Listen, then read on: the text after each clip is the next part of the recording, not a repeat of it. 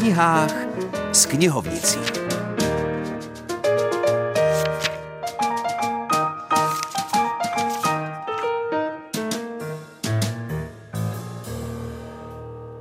Hezké nedělní odpoledne všem milovnicím a milovníkům knížek zvlášť. Od mikrofonu vás zdraví Filip Černý spolu s Veronikou Kučerovou, která dneska promluví o jedné beletristické knížce z jihu Čech, vydané pražským nakladatelstvím Vyšehrad. Lukáš Boček je začínající spisovatel, rodák z Českých Budějovic, učitel na gymnáziu a publicista. Jako spisovatel se představil povídkou Nahý oběd s Lolitou a loni v černu vyšla jeho první tištěná kniha Zahrada mrtvých duší. Po náhlé smrti svého otce se Marek dostane do stavu, kdy najednou neví, co dál se životem. Nenachází v sobě sílu normálně dále fungovat, vše na něj doléhá. Otcova smrt, mačina odtažitost a také nepřítomnost sestry Šárky, která před několika lety odešla z domova a jako by se po ní slehla zem. Jednoho dne se však k němu dostane dopis. Dopis, který mu napsala jeho sestra. Doufá, že právě díky tomu se se sestrou opět shledá. Pouští se tedy po stopách, které díky šárčiným dopisům získává a postupně se tak přibližuje nejen své sestře, ale i odhalení temného rodinného tajemství, které skryl jak čas, tak i Markova mysl. Boček si pro svou knihu zvolil velice temné a depresivní téma, které je ale výborně zpracované. I tak kniha nebude pro každého. Kdo se však do ní začte, nebude litovat. Je zajímavé, že téma knihy je tak bolestivé a přesto se to díky skvělému vypravěckému stylu autora dobře a rychle čte. Boček dokáže čtenáře vtáhnout do děje a přiblížit mu své postavy a vzbudit v něm pochopení a jistou náklonost k nim. Příběh má tři vypravěče. Marka, Šárku a jejich otce Jana. Společně s Markem čtenář pátrá a postupně odhaluje další a další nejasnosti a otázky. Zatímco Šárka a Jan skrze své deníky a dopisy ke čtenáři promlouvají.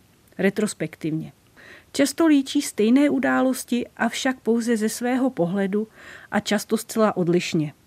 Jsou tu tedy dva nespolehliví vypravěči. A to čtenáře nutí přemýšlet, která verze vzpomínek je pravda a která je pouze zdařilou fabulací. Na závěr nesmím zapomenout také zmínit a vyzdvihnout grafickou stránku knihy. Ta je doprovázena ilustracemi Evy Bartošové, které výborně potrhují příběh a jeho vyznění. A samozřejmě malá ukázka z knihy Zahrada mrtvých duší čte Martin Hlaváček. Ještě před pár týdny se všechno zdálo normální, usazený. Stačil ale jediný telefonát a rázem je všechno jinak.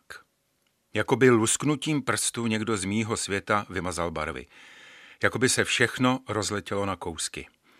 Marku, táta je po smrti. Přesně takhle mi to matka oznámila.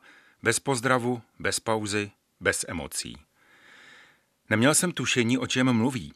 Táta byl přece zdravý, dobře rostlej chlap. Sice intelektuál, který proseděl celý dny u knížek, ale i sportovec – Jenže srdce mu vypovědělo službu. A státy tak v tuhle chvíli už nic nezbejvá. Dvě hodiny ho v peci olizovali plameny, nechali po sobě hromádku popela, co teď čeká na to, abych ji vyzvednul v pohřební službě.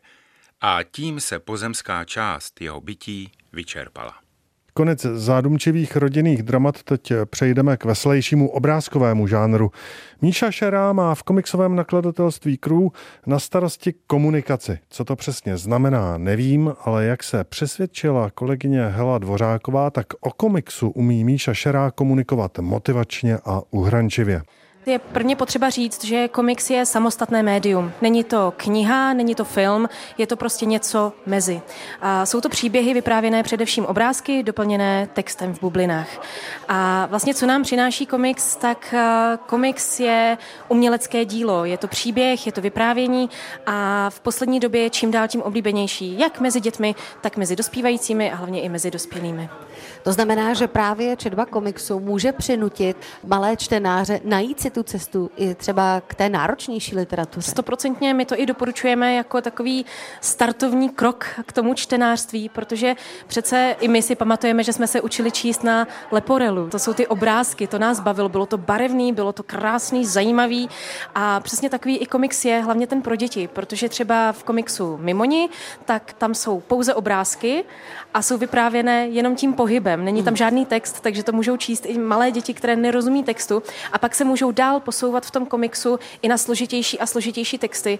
Vlastně i díky tomu, že komiks může být velice popkulturní, protože může obsahovat i reference na film, protože třeba mnoho Marvel a DC filmů vychází právě ze svých komiksových předloh, tak některé komiksy vycházejí naopak z počítačových her nebo z různých seriálů, jako jsou třeba Stranger Things, které teď jako jedou jako hrozně moc mezi mladými lidmi, tak si můžou přečíst ten komiks a doplnit si ten svůj svět, ten oblíbený popkulturní svět zase nějakým jiným příběhem. Takže určitě se to jako krásně propojuje a k tomu čtení to pak určitě nutí dál. Komiks je předpokoj velké literatury, stejně jako je neděle předsíní pracovního týdne.